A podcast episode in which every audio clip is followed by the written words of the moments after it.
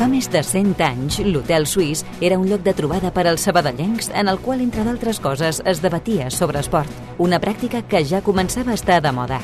Un segle després, continuem amb aquell esperit històric d'una ciutat estretament vinculada a l'esport.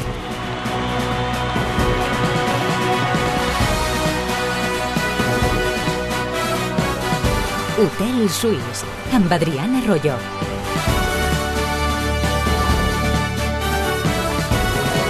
Què tal com esteu? Poca gent a aquestes alçades no té alguna noció del que és el Big Data aplicat al món del futbol. L'any 2023 el futbol a les categories més elevades té estadístiques de tota mena, anàlisi al detall dels equips, dels rivals, dels objectius que poden haver-hi al mercat de fitxatges, etc etc. Avui a l'Hotel Suís ens hi estarem una estoneta intentant desgranar exactament en què consisteix aquest àmbit del futbol i com s'aplica a un club com el Centre d'Esports.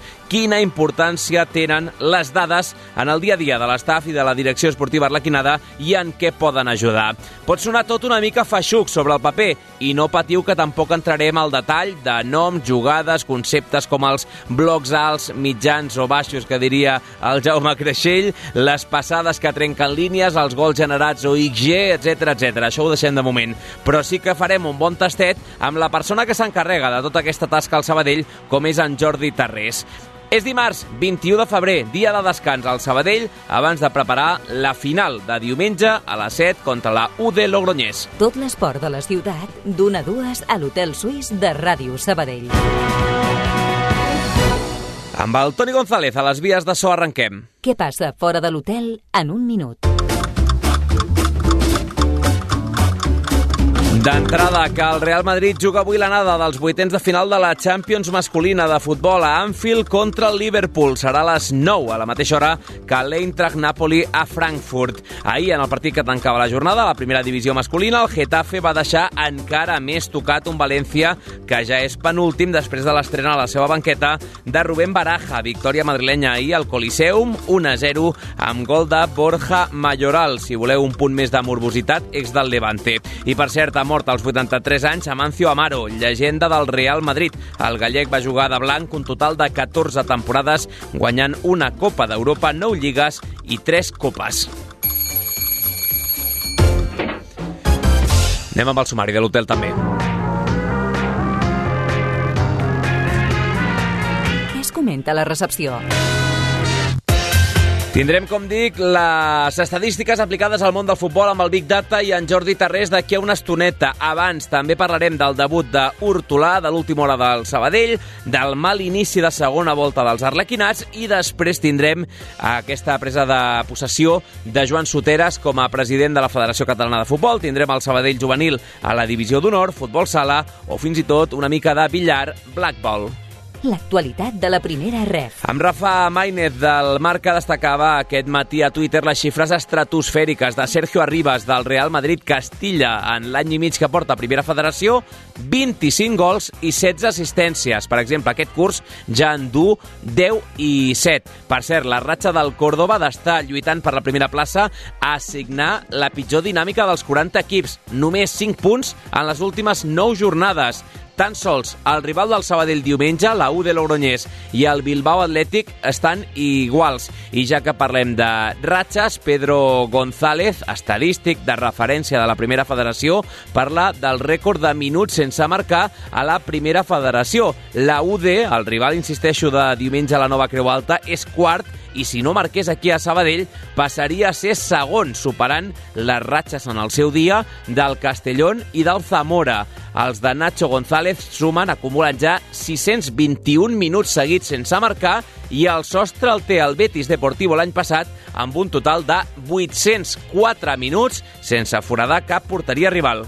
De quin partit no estarem pendents? Podeu triar o el Tajikistan Síria, que està en marxa des de fa una hora, o l'Uzbekistan Oman, de fa 8 minuts, els dos amistosos sub-20 i a les xarxes socials. Tornada a la competició, diu David de la Cruz, amb una història a Instagram amb la maleta a punt per afrontar la que serà la seva segona competició d'enguany, el seu segon curs a l'Astana.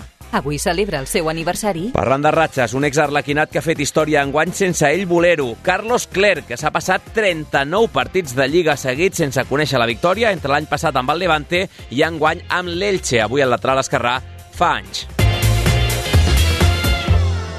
Hotel Suís, de dilluns a divendres, a Ràdio Sabadell.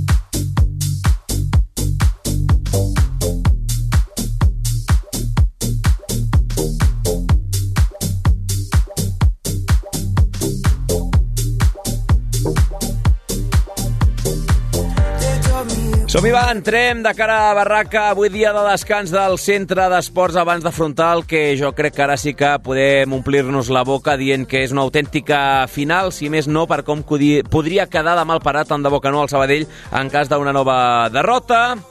Sergi Garcés, què tal, com estàs? Bona tarda. Algú dirà Logroño, home, si, si perd la U de Logroñés, més enfonsada encara. Sí, evidentment, eh, està l'equip eh, de la Rioja més allunyat d'aquesta permanència que ara mateix marca Intercity, el conjunt alacantí, és lògic pensar que el Sabadell ho té més a prop, de fet només un punt de distància amb aquesta zona tranquil·la, per dir-ho així, però tot i així és un d'aquells partits que veient com, com venen tots dos equips, cadascú amb els seus matisos i amb les seves realitats, Adri, qui perdés eh, quedaria molt tocadet, com deies, per apuntar a l'inici de la conversa, és lògic dir que si el Logroñés perd, quedaria molt més tocat encara. Ahir vam estar ocupats, enfeinats, amb tota la moguda, amb tota la polèmica de les declaracions de Miquillador, les disculpes posteriors, etc etc tancada la carpeta ja. Deixem-nos... Avui no hi ha més disculpes? Jo encara faria alguna cosa més. No sé si estaran contents encara Elda, però jo un parell de vídeos més, eh, bromes a banda... Petit spoiler, jo diria que no estan contents, però no, vaja. Eh, ja, però és que, sincerament, eh, sabent que la polèmica va ser, va ser gruixuda, mm, crec que, eh, com diria algú, ja n'hi ha prou, ja, ja està. No sé si cal donar-li moltes més voltes a la, a la història, però bé. En tot cas, el que dèiem, aquesta, carpet, aquesta carpeta definitivament ja tancada i oblidada a l'espera de, perquè recordem que hem de saber quin càstig li caurà al Sant Cugatenc a part dels presumibles dos partits per l'expulsió com a tal, al marge de les declaracions, però un bon dia avui per fer net, per fer reset, per oblidar el que va succeir en tots els àmbits a, a Elda, o com a mínim rescatar-ne els futbolístics al marge del que va passar amb un micròfon a la boca de, del míster. Sí, un parell d'aspectes no, derivats d'aquest eh, compromís al nou Pepi Comat del passat cap de setmana, entre elles, doncs, eh, o entre aquests aspectes a destacar, dos que ens van quedar així molt per sobre, enmig de tota aquesta voràgina creada per eh, al postpartit, com va ser veure els primers minuts, 45 de fet, de Raül Baena com a nou jugador del centre d'esport Sabadell, va jugar d'inici el de Torrocs i va ser substituït a la mitja part, i sobre sobretot entre cometes, allò de dir una de les sorpreses a l'11 titular que va presentar el Sabadell a Elda, també l'estrena d'un altre dels reforços en aquest mercat hivernal, com ha estat l'arribada del porter alacantí Adrián Hurtolà. Ell sí que va completar tot el partit, el primer partit complet, com diem, defensant la porteria del Centre d'Esport Sabadell, dir que ho va fer a bon rendiment, a un bon nivell, més enllà del gol de, de penal, també cal ser justos i dir que en els minuts finals la seva actuació va evitar que ara no estiguéssim parlant de si no arriba a ser pel penal no s'hagués perdut, podria haver estat un marcador bastant més ampli. I sobretot com s'intuïa mm, ja amb la seva arribada i com havia deixat d'entreveure també Miquillador amb, la, amb el seu fitxatge, amb el reforç a la porteria, doncs guanyant-li la partida en aquest sentit a Sergi Puig, que també, des de la seva recuperació post-nadalenca, doncs, eh, havia estat intocable al capdavant de la porteria del Centre d'Esport Sabadell. Més enllà d'això, parlàvem amb el de Xàbea parlant de la seva satisfacció pel debut, però una satisfacció que va quedar doncs, un pèl aigualida per culpa precisament de la derrota, d'aquesta derrota final i d'aquesta ensopegada al camp del líder.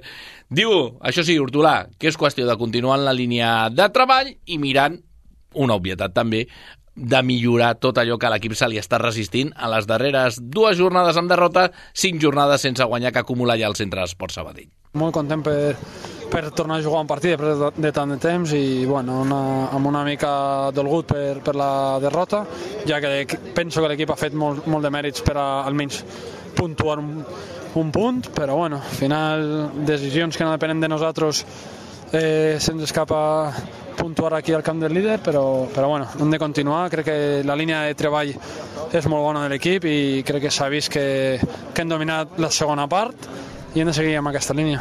Tal com va anar logísticament al final de partit, al postpartit a, a Elda, el nou Pepi Comat diria que no et vas acabar de mullar en antena perquè no estaves per allà, estaves fent altres feines en el postpartit de l'Eldense Sabadell. En quant a l'MVP, la gent l'ha reconegut a l'Hortolà com, com el millor d'aquest eh, partit a Terres Alacantines, a prop de casa seva, per tu també o no? Sí, segurament eh, hagués fet, ara pensant-ho en perspectiva de molt temps, eh? Has tingut no, més temps, eh? Clar, per això dic, eh, amb la Frador segurament seria Hortolà, si m'ho haguessis eh, preguntat diumenge eh, sobre la marxa, segurament hagués tingut aquí un dilema entre ell i Àlex Sala. M'agrada molt el partit del, del Gabanenc, en un partit de, de brega, en un partit de, de ser contundent quan calia, mm, va, per mi va estar a un molt bon nivell, però sí que és cert que veient aquestes dues, tres últimes actuacions finals d'Hortolà en el còmput general podria ser el més destacat que va tenir l'equip. De seguida parlem de la ratxa del Sabadell, que déu nhi però és que no, no és tampoc per allò de consolar-nos amb que el rival la té molt pitjor, però és que és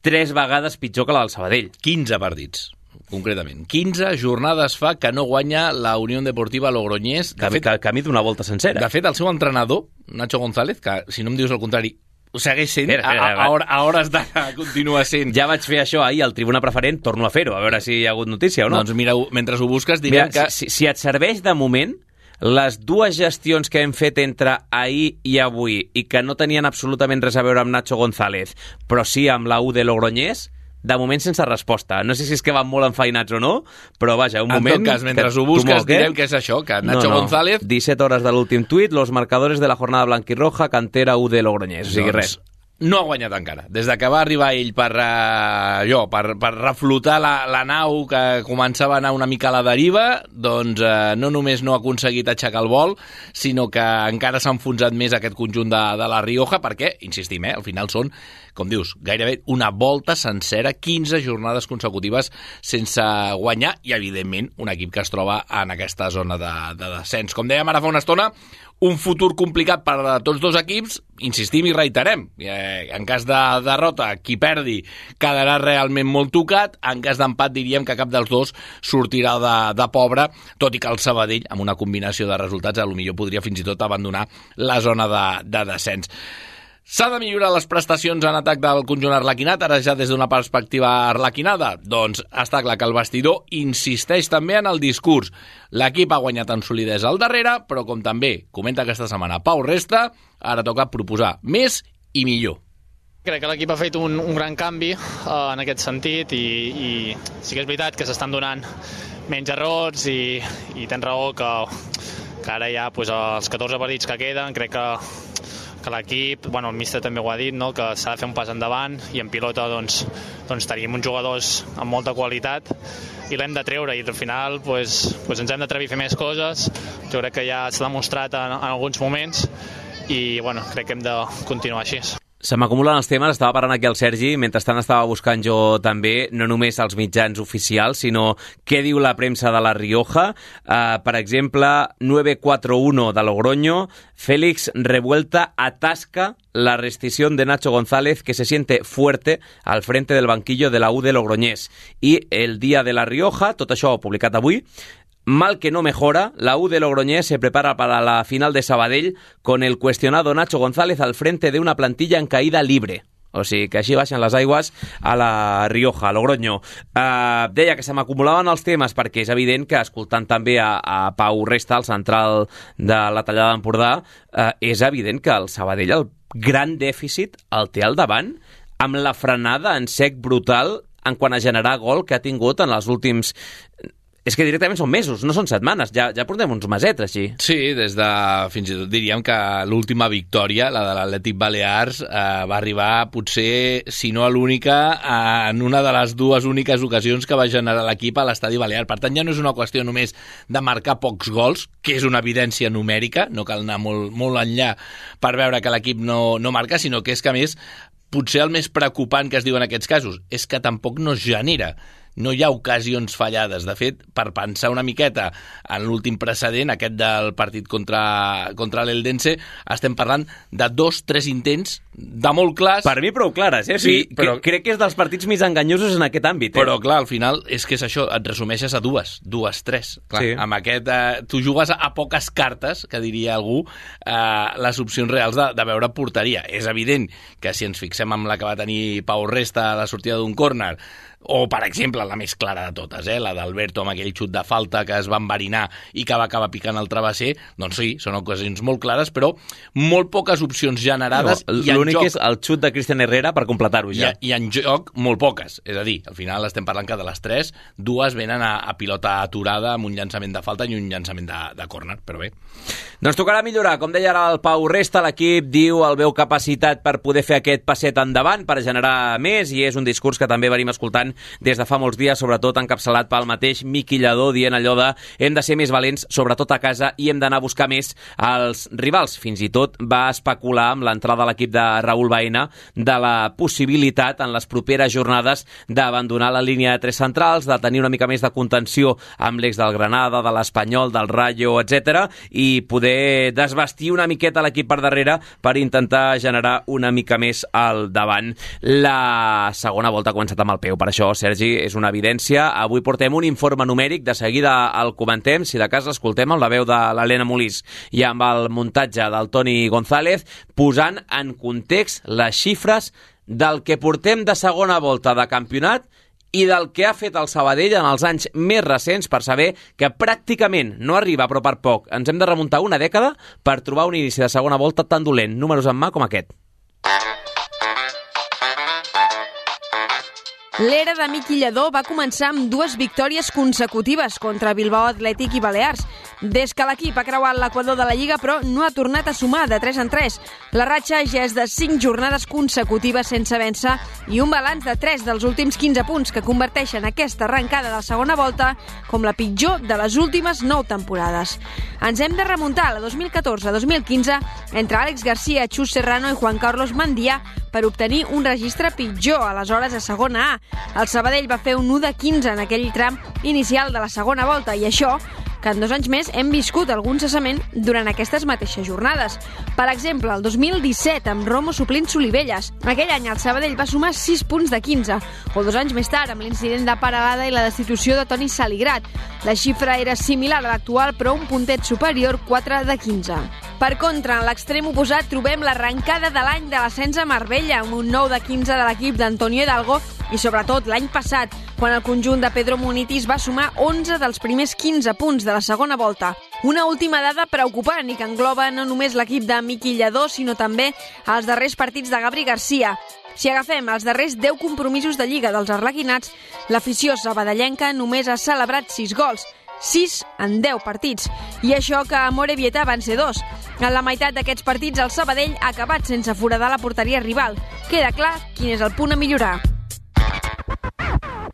És que, Sergi, Queda clar, queda dels clar. últims 10 partits en 5 portaria a 0 del rival. Sí, sí, sí, és, és que el bagatge és, és molt pobre, perquè els números del Sabadell no és que en defensa siguin tampoc gaire espectaculars, perquè encara s'arrosseguen doncs, algunes desfetes, però és que, clar, en atac sí que realment presentes uns números eh, molt pobres i que expliquen molt clarament per què tens uns, un dels pitjors percentatges en el més menys de, de gols a favor i gols en contra i per què et trobes ara mateix en aquesta zona de descens, encara que afortunadament crec que és la millor notícia dins de, de tot, el panorama és que estiguis a només un punt, per tant, a, a menys d'un partit de, del que és la salvació. Sí, eh, però clar, amb dos duels directes que aquí s'han de fer els deures sí o sí, Correcte. perquè UD Logroñés que queda per darrere i Real Unión que està just per davant, o fas els deures o si no sí que la, la cosa es complicarà però, però de debò. De l'11 de 15 de l'any passat al 3 de 15 d'enguany en l'arrencada d'aquesta segona volta, amb jornades encara per això per, per millorar aquest registre, aquest rendiment, i amb un dia, el de demà, que serà important per, per diferents àmbits en, en l'aspecte eh, de, del propi centre d'Esport Sabadell amb tornada a la feina, amb les sancions, perquè el dimecres és el dia que es coneixen les sancions i, per tant, no tant per Alberto, que serà baixa, però sense més història, però sobretot pel famós tema de Miqui Lladó que dèiem encara, que, que ens falta per conèixer la conseqüència de tot plegat. Sí, veurem si demà ja sabem també, no només, com deies al principi, els dos partits que li cauran pel que és la targeta vermella en si mateix, que això gairebé són faves comptades, sinó si també demà es coneixerà o no aquesta segona sanció, aquest segon càstig perquè, pel que és la, les declaracions postpartit que va fer el tècnic Sant Cugatenc. Ho explicava ahir el Joan Fàbregas, analista arbitral, exàrbitre i, i, i arlequinat com és en el tribuna preferent, no? El, el, en aquest cas el càstig pot anar d'un mínim de 4 partits a un màxim de 12. Si tirem per la línia baixa, per dir-ho així, pel perfil baix, doncs estaríem parlant de 6 jornades, dos partits més 4 aquestes 6 jornades. Si tirem per, per cap dalt, eh, estaríem parlant que Miqui Lladó no s'hauria més aquesta temporada, perquè és que serien els 14 partits que li resten per jugar al Sabadell 22-23. Per tant, en cas de que sigui el màxim càstig i que s'apliqui de manera immediata, que no es demori massa en el temps, Adri, podria donar-se eh? les circumstàncies, sí, sí, tal qual, que allò que es diu a vegades amb les sancions molt grosses que existeixen en el futbol territorial, Miqui Lladó podria haver acabat ja la temporada eh, amb el Centre d'Esports Sabadell, insisteixo, si el comitè de competició tirés per, a, per la part més alta del possible càstig aquestes 12 jornades de, de sanció que li podrien caure més els dos partits per l'expulsió. Doncs estarem pendents a veure si demà coneixem aquesta segona part de la sanció, que com deia ahir el Joan s'ha de separar una cosa de l'altra, els dos que segur li cauran per l'expulsió com a tal,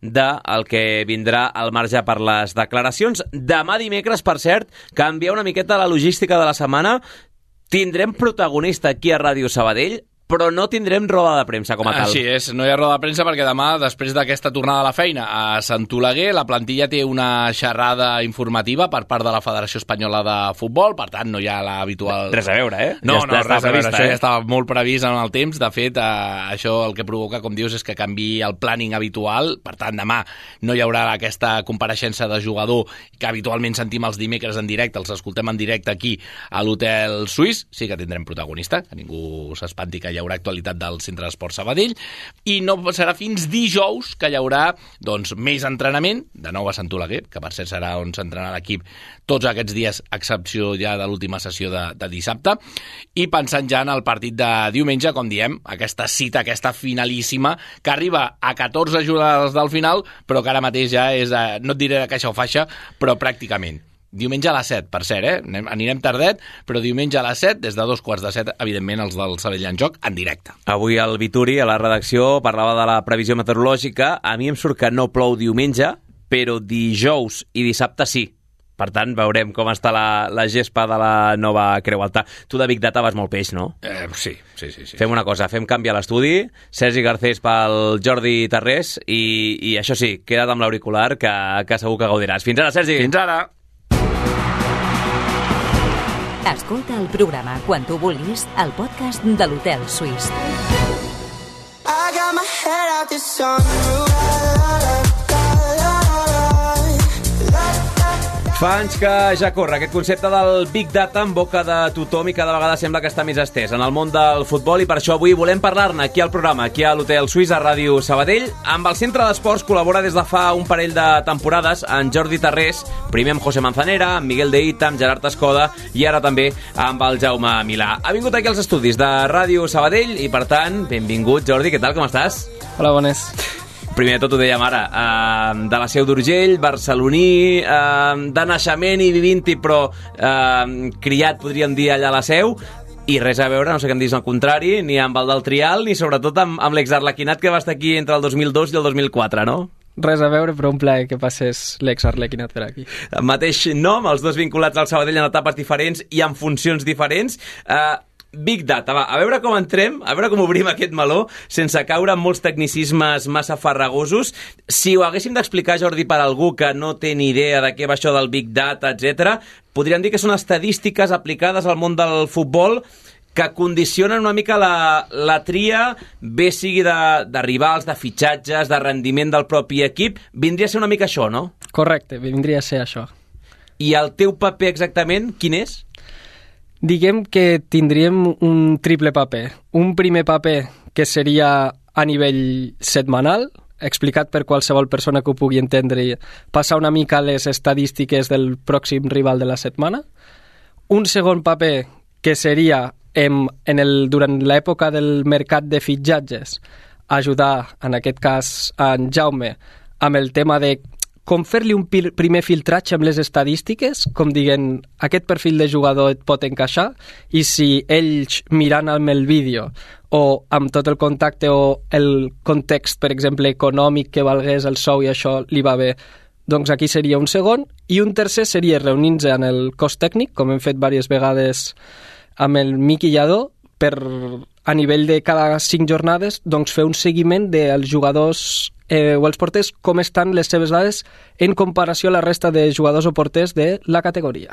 I els àmbits que s'estudien són els mateixos? Són diferents? Si, per exemple, eh, el rival de- d'aquesta setmana, quan un fa el buidatge de dades, en què s'hi fixa?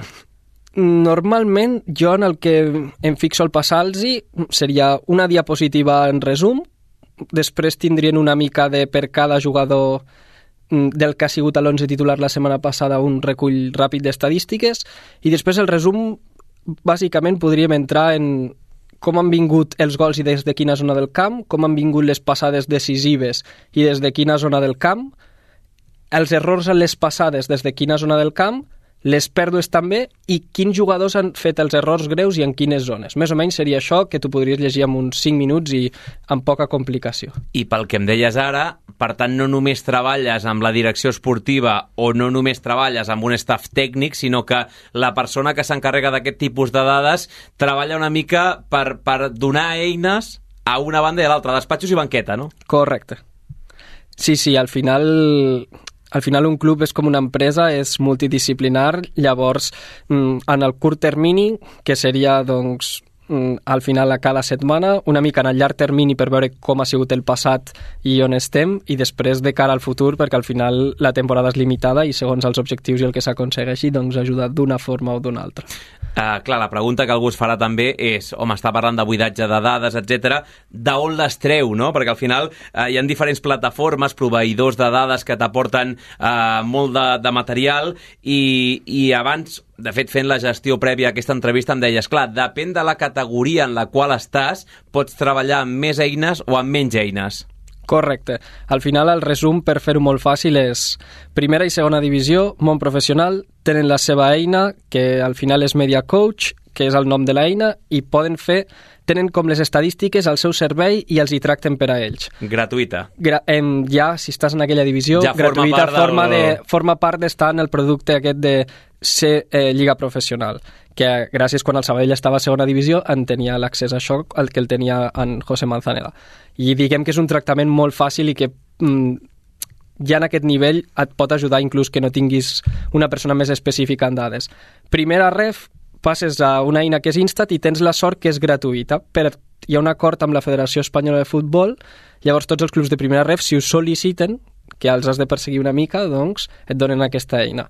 Llavors tu pots tenir alguna, crec, complementària així de pagament tipus amb vídeos que es diu Y Scout i ja per la resta em, no sé quins acords hi ha a segona i tercera ref i ja si tires cap a baix em, jo et diria que o et fas les teves pròpies dades o estadístiques o vas una mica més complicat i sí que és veritat que si hi ha una divisió d'honor juvenil o això sí que té més dades que en el que no tindria una primera o segona catalana. Anant a la primera federació, que és on es troba malauradament el Sabadell comparat amb el que teníem fa res, un parell d'anyets, eh, jo que he tingut alguna vegada accés a, per exemple, alguna anàlisi de partit dels que et proporciona Y-Scout, eh, la gent al·lucinaria si veiés la quantitat... Ja, ja no entro ni tan sols amb el tema de poder tallar vídeos que et proporciona la mateixa eina simplement posant, eh, no sé, Guillem Molina, interceptacions, pilotes perdudes, passades que superen línies i ja e- ella mateixa ja et dona el vídeo, però només amb l'anàlisi de dades és que potser són 30 pàgines de cada jugador on ha guanyat duels, és que és increïble. Eh, la quantitat d'informació que arribeu a tenir. Mm, sí, hi ha una gran quantitat. Al final, en tot el món del Big Data entenc que la diferència ja és com interpretis aquest tractament de les dades. Sempre així, i per fer-ho senzill, no és el mateix, al final, un concepte molt fàcil de on marqui, eh, que marquis 10 gols que de quina forma marquis aquests gols. Llavors, entendre que has marcat 10 gols és fàcil, el que volem és fer el següent pas de quin és el context i des de quina zona, perquè no és, em, segons l'estil de joc i això, doncs t'interessarà un tipus o un altre i això per cada posició i per a cada jugador porter. Per tant, per rematar-ho, sobretot amb el tema de la, de la funció de la persona que s'encarrega del, del Big Data, ja no en el teu cas, sinó qualsevol estructura de futbol professional, podríem dir que és el que agafa tota aquesta muntanya de dades i, i extreu una conclusió, fa el buidatge, fa la tria, el filtratge?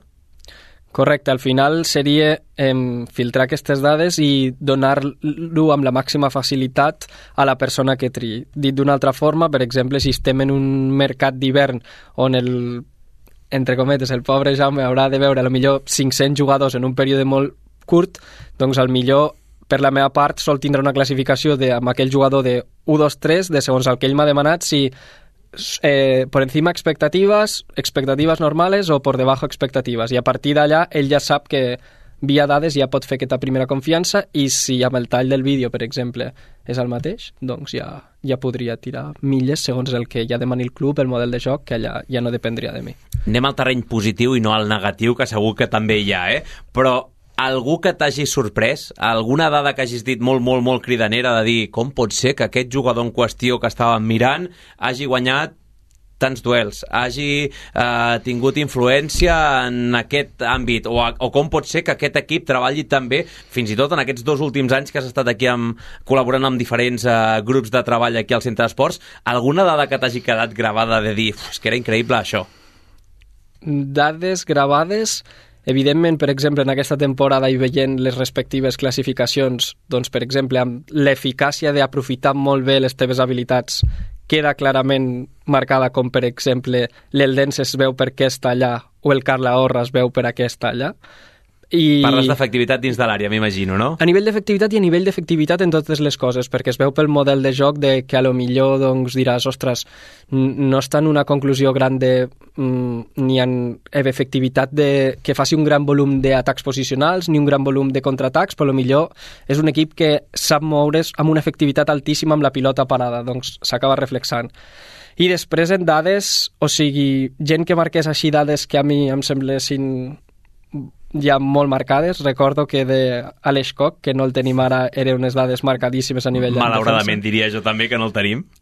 Correcte. I... A no sé que ara diguis, no, doncs mira, el Big Data deia que no, eh? No, no, no, era algú que sempre les marcava, però sí que és veritat que, per exemple, ja en la jornada 1 o 2 o 3, per exemple, l'eficàcia a nivell defensiva, que sempre l'han marcat des del club com un exemple, i jo crec que això és com del xino Stals, doncs és, ja es veien les seves mètriques.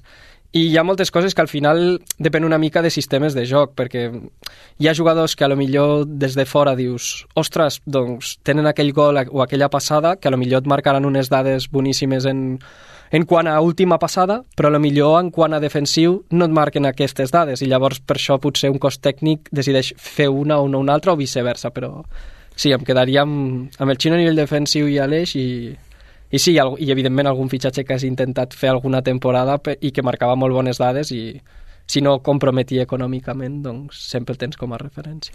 Es diu, per exemple, que el Castellón, amb aquest canvi de propietat que hi ha hagut, etc, que s'està basant molt en el, en el Big Data, en els últims moviments, sobretot, que, que ha fet. Eh, has notat que cada vegada més s'aposta per, per aquesta anàlisi predictiva en el món del futbol o, o que hi ha hagut un creixement en els últims anys respecte a aprofitar aquest tipus de dades que, que es tenen a l'abast? Sí, sens dubte. O sigui, molts dels companys on estan, doncs, mm, podria dir-te de que algun excompany que havia passat en anàlisis mm, exarlequinat potser a dia d'avui ja estan en Lliga Francesa i altres companys mm, dels que hem tingut doncs cap del Departament de Dades de l'Eibar, eh, cap del Departament de Dades del Deportivo, cap del Departament de Dades del Racing, em, també s'estan reforçant ben al Mèrida, em, sí, al final s'acaba notant que molts dels clubs que tens a primera ref, doncs al final és un aprofitament, no? perquè al final en el món del futbol hi ha moltes igualtats, però si pots acabar de detectar aquest pas que no els veu la resta, doncs aquí és on tens l'avantatge competitiva o intentar que mm, ja no tant a nivell competitiu, sinó a nivell potser a nivell econòmic, de que dues persones amb les mateixes dades, si tot és la mateixa decisió, però un és un terç del preu de l'altre, doncs potser no compromets la salut econòmica, que hem vist últimament que molts clubs s'han vist perjudicats. Uh, tu no t'hi dediques professionalment a això, tu tens una feina Correcte. que té una certa vinculació, però que no és, no és futbol. Té vinculació amb, el, amb la manera de prendre les decisions, però no amb el, amb el futbol. L'objectiu personal teu és acabar dedicant-hi? M'encanta el futbol, m'encanta a nivell mm, espanyol local mm, super a gust en el Sabadell i això i, bu- bueno, com t'he havia comentat fora eh, fora d'aquí, doncs la lliga anglesa sempre ha sigut la que més m'ha agradat i sí, evidentment a part del Sabadell i del meu treball, si algun dia hi hagués aquesta opció, allà està una altra de les fites. Ho remato, eh, Jordi, amb la pregunta del milió per mi. Eh, Les dades ho diuen tot o no ho diuen tot? Ho dic perquè, clar, evidentment, amb, amb la situació que tu deies ara de dir tinc dos jugadors que les dades em diuen que si fan o fa són el mateix, però un val una tercera part que l'altre, no cal que ens hi trenquem les banyes. Anem a mal per mal el que val tres vegades menys. Però eh, no sé, eh, busco un defensa guanyador de duels, el Big Data em diu que el senyor X és un guanyador de duels nat, però fa 70. Uh, refio o no per la defensa un perfil així? Uh, T'ho dic d'una altra manera. Uh, quin pes pot tenir el Big Data amb tot això i quin després la intuïció, la vessant personal, eh, el veure'l jugar, el conèixer-lo, perquè al final és com un reforç, però fins a quin punt es pot tirar només de dades i que l'ull humà aquí no tingui res a dir? Mm, M'explico. Dins de les tres vessants del club, en una és més fàcil donar-li més pes a les dades. Diguem que en l'informe del propi jugador amb com millora o com empitjora, al final és competir tu contra tu mateix, llavors allà a la dada jo crec que té un pes un pèl més alt. O sigui, és l'examen que va passant cada alumne, no? O sigui, ja el tens a la plantilla, per tant, tens aquesta mètrica, has d'anar intentant millorar-la. Correcte. I al final sí que és el rival de la setmana, al final si tu no tens la química de com plantejo o la intuïció de que Miki com pot plantejar el partit o dels seus analistes a nivell de vídeo, pues al final és una tercera o una quarta pota complementària. Si pretens que el Big Data em t'ho solucioni tot, el problema és que al final hi ha moltes coses que a dia d'avui mm, és difícil que puguin quantificar les dades. Per exemple, en un minut de pressió durant els últims 5 minuts, en la reacció intuïtiva de l'equip o com et diria sobretot al nivell d'emocions és molt difícil de moment calcular les dades i el model que ho tingui doncs més bo que serà. Però sí, diguem que és complementària però al final jo crec que la intuïció i el saber del futbol al final em, és una pota complementària però no, ni molt menys ha de ser la que basis la decisió únicament i exclusivament això. Ho deia sobretot per la vessant ja no tant del rival, ja no tant de, del rendiment propi, sinó del mercat de fitxatges, no? que al final eh, pot ser molt llaminer deixar-te guiar només per les, per les xifres, però alhora la veritat has de prendre la decisió i no només és l'únic factor, no? Correcte, correcte. Al final jo crec que deu ser molt, per exemple, em fico a la pell d'un director esportiu qualsevol, mm, entenc que si és un jugador que tu hi confies i l'has vist en vídeo, em, doncs sí. També t'he de dir que personalment et diria que sempre que hem estat amb tots els cos tècnics, amb la visió de vídeo i amb la idea que tenia l'entrenador, pràcticament dels que els agradaven, les dades eren bones al 99%. O, o, o sigui, que anaven molt alineades de... l'u- l'ull no t'enganya. No sol enganyar l'ull, sí, sí que et diria més que és més al revés, de que et serveix per un filtratge, sobretot de quan mm, tu vens en una categoria, potser un director esportiu que no està acostumat a la categoria o alguna així, això ja et dona una vessant de per on poden anar, o al revés, si tu vols fer un seguiment de X jugadors i és inabastable la red que tinguis, els que coneguis tu tira de l'ull, els que no coneguis, aquell primer filtratge de dades et pot ajudar una mica a acotar el camp i que no et perdis amb el volum de dades. I jo crec que aquí és una mica on t'ajuda a dir una mica per allà vas, d'acord, amb el vídeo, ostres, sembla que anem per allà i ja a partir d'allà, vessant econòmica i el que cregui cada cadascú. Doncs una primera criba, que és el que fa el Big Data Exactament. abans de, de decidir. Eh, Jordi Tarrés, que crec que ho hem fet prou entenedor, o sigui, per algú que s'ofega quan veu quatre dades ja sobre la taula i amb els números va molt malament, ho he entès tot. Per tant, que espero que l'audiència també, però vaja, molt, molt interessant el tema del, del Big Data aplicat al futbol i en aquest cas en concret a més al, al centre d'esports.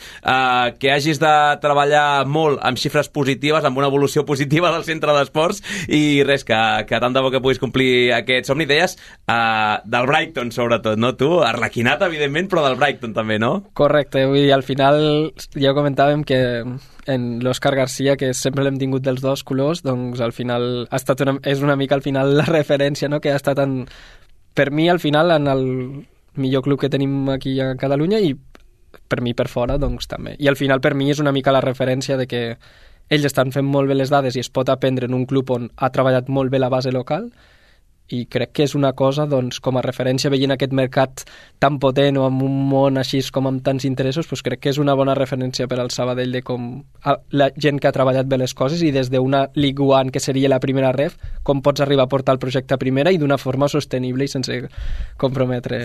M'estic encigalant i tot, ja només de pensar aquesta comparativa que has fet. Jordi, mil gràcies per explicar-nos i fer entenedor aquest discurs de, del Big Data aplicat al futbol. Una abraçada. Un plaer, gràcies. Tot l'esport de la ciutat, d'una a dues a l'Hotel Suís de Ràdio Sabadell.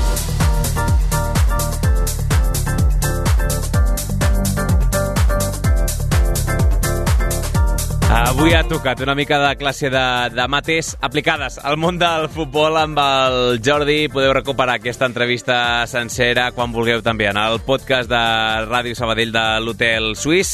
Continuem parlant una mica de, de futbol, ara de futbol formatiu, perquè mentre el primer equip del centre d'esports no va poder trencar la mala dinàmica de les últimes setmanes, el juvenil A, Arlequinat, sí que ho va fer, sí que es va retrobar amb la victòria. Els d'Edu San José van superar a casa 3 a 1 al Constància d'Inca per acabar amb la ratxa de 3 derrotes consecutives i de 4 partits sense guanyar. El Sabadell juvenil va haver de remuntar, això sí, el gol inicial dels Balears. Adrià Petit, l'autor de l'empat encara a la primera meitat, es felicita per la reacció que va tenir l'equip. Una virtut que té aquest equip, que tenim nosaltres, és que, és que després d'un gol sempre intentem seguir tirant endavant com sigui i aconseguir ràpidament un, un, un altre gol el més ràpid possible per, per tornar-nos a ficar al partit i crec que és una de les millors coses que té aquest equip del, el, aquesta, aquesta manera de, de lluitar per les coses i, i de voler més i voler més i, i, i donar-li la volta al partit. Quim Utges, signant un doblet, acabaria donant la victòria al Sabadell a la segona meitat. Ara l'equip de San José és desè a la classificació de la divisió d'honor i es torna a allunyar de la zona de perill. Per petit haurien d'haver aconseguit més punts dels que tenen en, en la classificació, sobretot pel joc que han fet. Estem, jo crec que en un molt bon moment perquè portem ja diverses setmanes aconseguint ja crear moltes més ocasions de les que estàvem acostumats a crear i això és símbol d'algú que està passant bo perquè, perquè de, de, no, de tenir poques oportunitats a tenir moltes pues, hi ha una gran diferència i, i tenir tantes oportunitats eh, pues, al final ens fa crear més ocasions i, i més oportunitats de gol i, i, i per aquesta part estem molt contents perquè és una, una cosa que havíem de millorar. El pròxim compromís del Divisió d'Honor Juvenil Arlequinat serà la Pobla, al camp del Nàstic de Tarragona, el penúltim classificat. I com us dèiem ahir durant el programa, Joan Soteres ja ha pres possessió com a president del de, càrrec de president de la Federació Catalana de Futbol després de guanyar la repetició dels comicis de les eleccions dilluns de la setmana passada. El sabadellenc i expresident del Centre d'Esport, recordem, revalida de totes totes el seu mandat del 2018 i continuarà dirigint el màxim ens federatiu del futbol català els pròxims 4 anys. Durant el seu discurs, Soteres va mostrar ahir la seva satisfacció per continuar al capdavant del càrrec. Estem enormement satisfets i enormement agraïts per aquest impuls. Hem tornat a guanyar i aquesta vegada amb una majoria aclaparadora. El millor val són els fets. La millor garantia és el programa que havíem engegat en tots els seus punts. Continuarem desenvolupant desenvolupant-lo en una línia tan clara com definida. Un altre dels protagonistes va ser Luis Rubiales, el president de la Federació Espanyola de Futbol. No va poder assistir in situ a la presa de possessió de Soteres, però va enviar un vídeo de felicitació i donant suport un cop més al mandat del sabadellenc. Seguir trabajando, Joan, como lo está haciendo, con la misma fuerza, con la misma honestidad, con las mismas ganas. Aquí además te esperamos, hoy no he podido estar ahí a tu lado darte un abrazo y saludar a toda la gente de la Asamblea Catalana porque tenemos mucho, mucho trabajo en, en La Roza, pero desde aquí, eh, con todo mi cariño, desearos lo mejor, que sea una asamblea productiva. A l'acte van assistir nombroses personalitats del futbol català, entre elles i per part del Centre d'Esports el seu director general Bruno Batlle i també el conseller Albert Ramos. A tot això, Soteres va nomenar els càrrecs de la seva junta directiva en la qual repeteix un altre sabadellenc i ex-arlequinat, com és el vicepresident Miquel Sallarès.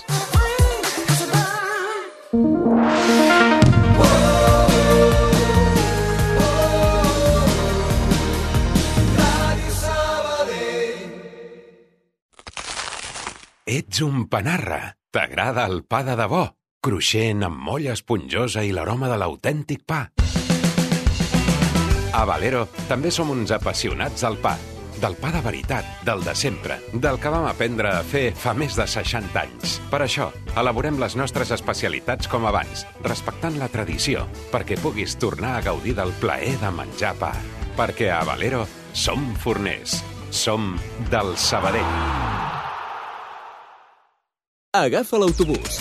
Viatja amb l'Atus. Trajectes més ràpids i directes, més connexions entre barris, nous horaris per afavorir l'intercanvi entre línies. Estalvia temps. Estalvia diners. Agafa l'autobús. TUS, Transports Urbans de Sabadell. D'una a dues, l'Hotel Suís, a Ràdio Sabadell. D'aquí a 11 minuts seran les dues. Els companys informatius ens prendran el relleu amb el Notícies Migdia. Abans, bloc poliesportiu, futbol sala. L'Escola Pia ha evitat caure despenjada del tot en la lluita per la permanència a la segona B amb una victòria amb regust balsàmic 2 a 1 en el duel directe contra el filial de l'Indústria Santa Coloma. És tot just el primer triomf de la segona volta dels escolapis i en cas d'haver perdut, la salvació s'hauria allunyat ja a 7 punts. Però els de Can Colapi van fer la feina i es mantenen a 4. Leni Ramos, l'autor del primer gol de l'equip, reconeix que la sensació que van tenir és la d'haver salvat els mobles. La victoria de este sábado fue vital. O sea, fue mi... Yo creo que si no hubiéramos ganado, mm, ya se hubiera complicado más la permanencia. Pero bueno, después de esta victoria, yo creo que aún podemos salvarnos. Bola de partit, per tant, salvada. A la segona part, un dels joves de la base, Jordi Soleil, va ser l'encarregat de desfer l'empat signant el 2 a 1 definitiu. I just després, la Pia va ser capaç d'aguantar sense encaixar, amb un de menys per l'expulsió del capità Jordi Sardà. La defensa escolàpia continua sent la més golejada de la Lliga, però per primer cop en tota la temporada, els de Pedro Donoso en van rebre menys de dos en un partit. Ramos opina que la clau va estar precisament en el fet de ser més durs sense pilota. Lo esencial es cortar jugadas claves, porque en los últimos partidos mm, nos íbamos con una, dos, como mucho tres faltas. Y este sábado acabamos la primera parte con cinco faltas y la segunda con cuatro o así también. Yo creo que eso es lo, lo esencial. Per contra, el Natació Sabadell no va poder sorprendre el líder, el Cerdanyola, i va cedir per 6 a 4 a Guiera. El parcial de 3 a 0 a la primera part va condicionar l'enfrontament i tot i l'intent de remuntada a la segona, fins i tot amb un gol de Pablo Robert en inferioritat, els nedadors ja no van poder sobreposar-se a una segona vermella. El pivot explica la polèmica acció que va acabar amb les esperances del club. Pablo Robert. La segona potser és més dubtosa, la de, la de Pep Font, la segona vermella, perquè és una ocasió que està Villa contra el pal, el Pep Font està al costat del pal i just li rebota la mà i és expulsió. O sigui, directa, vermella directa, penalti, el para el nostre porter, però després ja la desigualtat ens, ens marca. Robert va acabar amb un doblet, finalment estèril, a la pista del líder dels sardanyolencs. El pivot, un dels fitxatges del passat estiu que va arribar procedent del Sala 5 Martorell, parla de les bones sensacions individuals que té enguany amb la samarreta del club. Aquesta temporada pues, sí que és veritat que era una temporada diferent per mi, perquè realment passava de pues, jugar relativament eh, poc eh, a, a jugar partits i jugar minuts importants, que això no ho havia fet en, en l'etapa sènior encara. I, i, ostres, també és una adaptació, potser, perquè al final també aquests anys també havia perdut una mica de confiança, també perquè al final quan no tens la continuïtat és, és difícil tenir aquesta confiança de quan surts eh, saps que ho faràs bé i tot. Però bueno, aquesta temporada m'està servint un muntó a aquest nivell de, per aprendre i, i això, i gràcies a la, a la confiança a l'Adri, doncs jo estic molt content a pista. Els d'Adri Sánchez són setents, concretament ara, i es queden a 7 punts de la zona playoff. Dissabte els nedadors reben el Ripollet, amb qui s'enfrontaran també d'aquí unes setmanes a la Copa Catalunya. I la Pia visitarà el Canet. Abans, però, els escolapis tenen compromís precisament de Copa Catalunya demà passat a la pista del Castellterçol. L'Hotel Suís obre les portes a l'esport de Sabadell.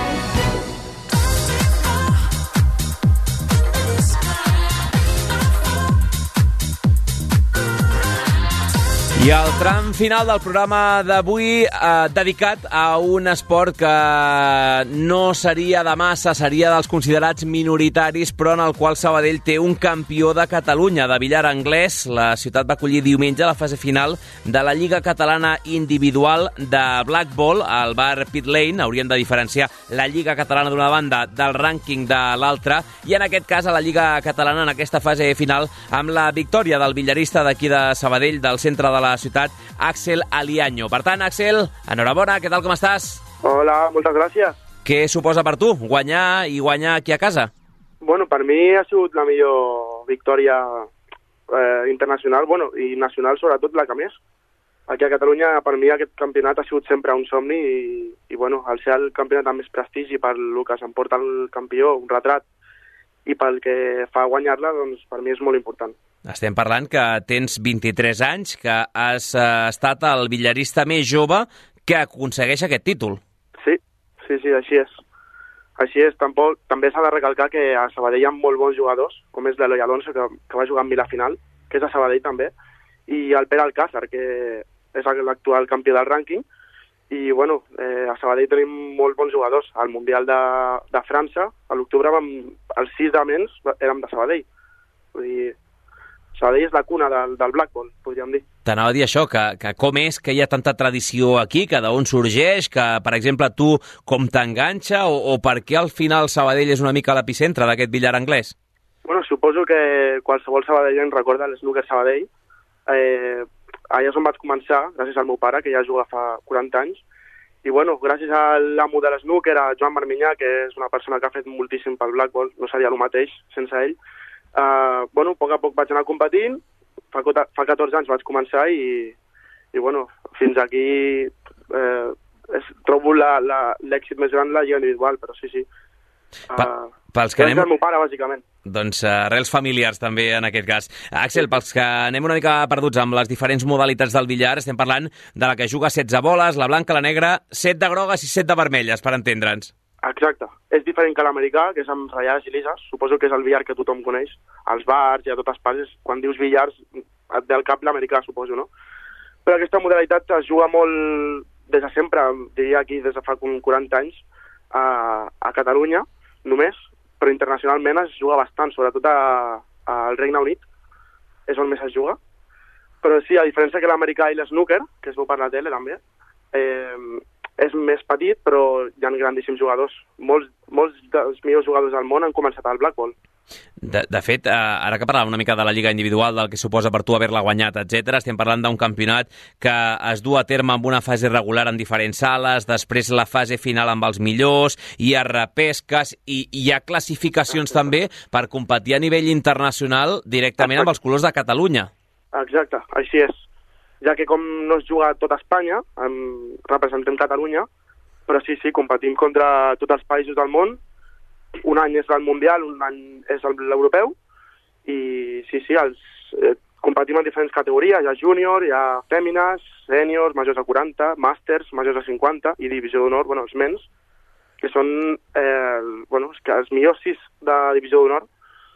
I sí, sí, ara aquest any es competirà l'europeu a Malta, al novembre, i bàsicament sí, ara serà el meu tercer any consecutiu jugant amb menys, encara sóc júnior, però eh, el Pere Alcázar, que té dos anys menys que jo, també és júnior, però com l'equip de júniors no és tan competitiu, preferim jugar amb menys, i sí, aquest serà el tercer any consecutiu jugant amb menys per si algú ho escolta malament, amb Emma, no amb Ena, eh? no, no, no de nen petit, sinó al revés, eh, d'anar a sí. sèniors per entendre'ns. Acabo, a nivell internacional, eh, comentes a, aquest europeu a principis de novembre a, a Malta, encara queda, sí. vens d'haver fet un molt bon paper també en el Mundial, al final, eh, el que comentes, no? vens de fer la, la millor victòria de totes a la Lliga individual, eh, però, però ara toca també, m'imagino que entre Sella i Sella tens també aquest eh, campionat d'Europa de, per competir internacionalment. Sí, més a Malta, on justament fa sis anys vam, vam anar també a Catalunya, jo jugava com a júnior, sub-18, l'individual, i bueno, el Pere Alcácer, que també és de Sabadell i jo, vam arribar a la final, guanyant a gent de tot el món. Això, clar, tornar al mateix joc també dona... Tens bastantes ganes de fer-ho bé un altre cop, aquest, aquest cop amb menys, però bueno, que les ganes estan allà sempre. I igual que el Mundial de França fa, fa uns mesos, a l'octubre, eh, vaig arribar entre els últims 16 guanyant a dos professionals i gent que ja havia estat veient des de petit, bueno, competir contra ells va ser molt fort i més encara guanyar-los. Així que anirem a per totes, igualment.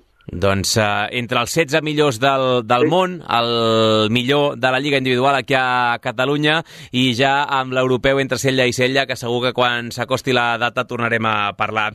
És l'Axel Alianyo uh, i volíem parlar amb ell una miqueta avui de, de billar anglès de, de Blackball. Per tant, Axel, el que dèiem en començar, enhorabona per aquesta millor victòria que deies tu de la teva carrera i que en siguin moltes més. Una abraçada. Moltíssimes gràcies, igualment. Vagi molt bé.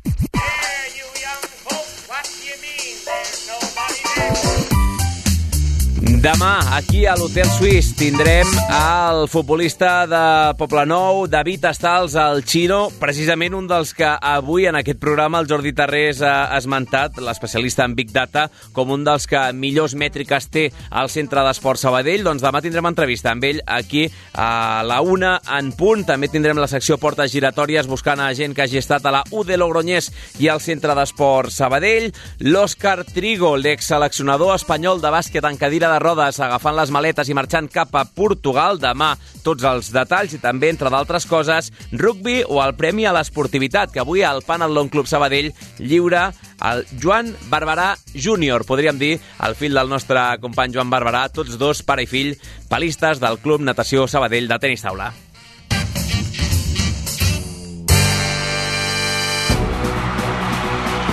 Aquest vespre serà el lliurament d'aquest premi a l'esportivitat. Segur que el podreu seguir a arroba Ràdio Sabadell a través de Twitter. Una abraçada des de l'altra banda del vidre, del Raül Medina com a estudiant en pràctiques i del Toni González com a control de so, podríem dir. Ara ell es queda amb tots els companys informatius i al Notícies migdia per posar-nos tots plegats al dia del que ha passat avui en aquest dimarts 21 de febrer aquí a Sabadell. Una abraçada molt gran. Adéu-siau.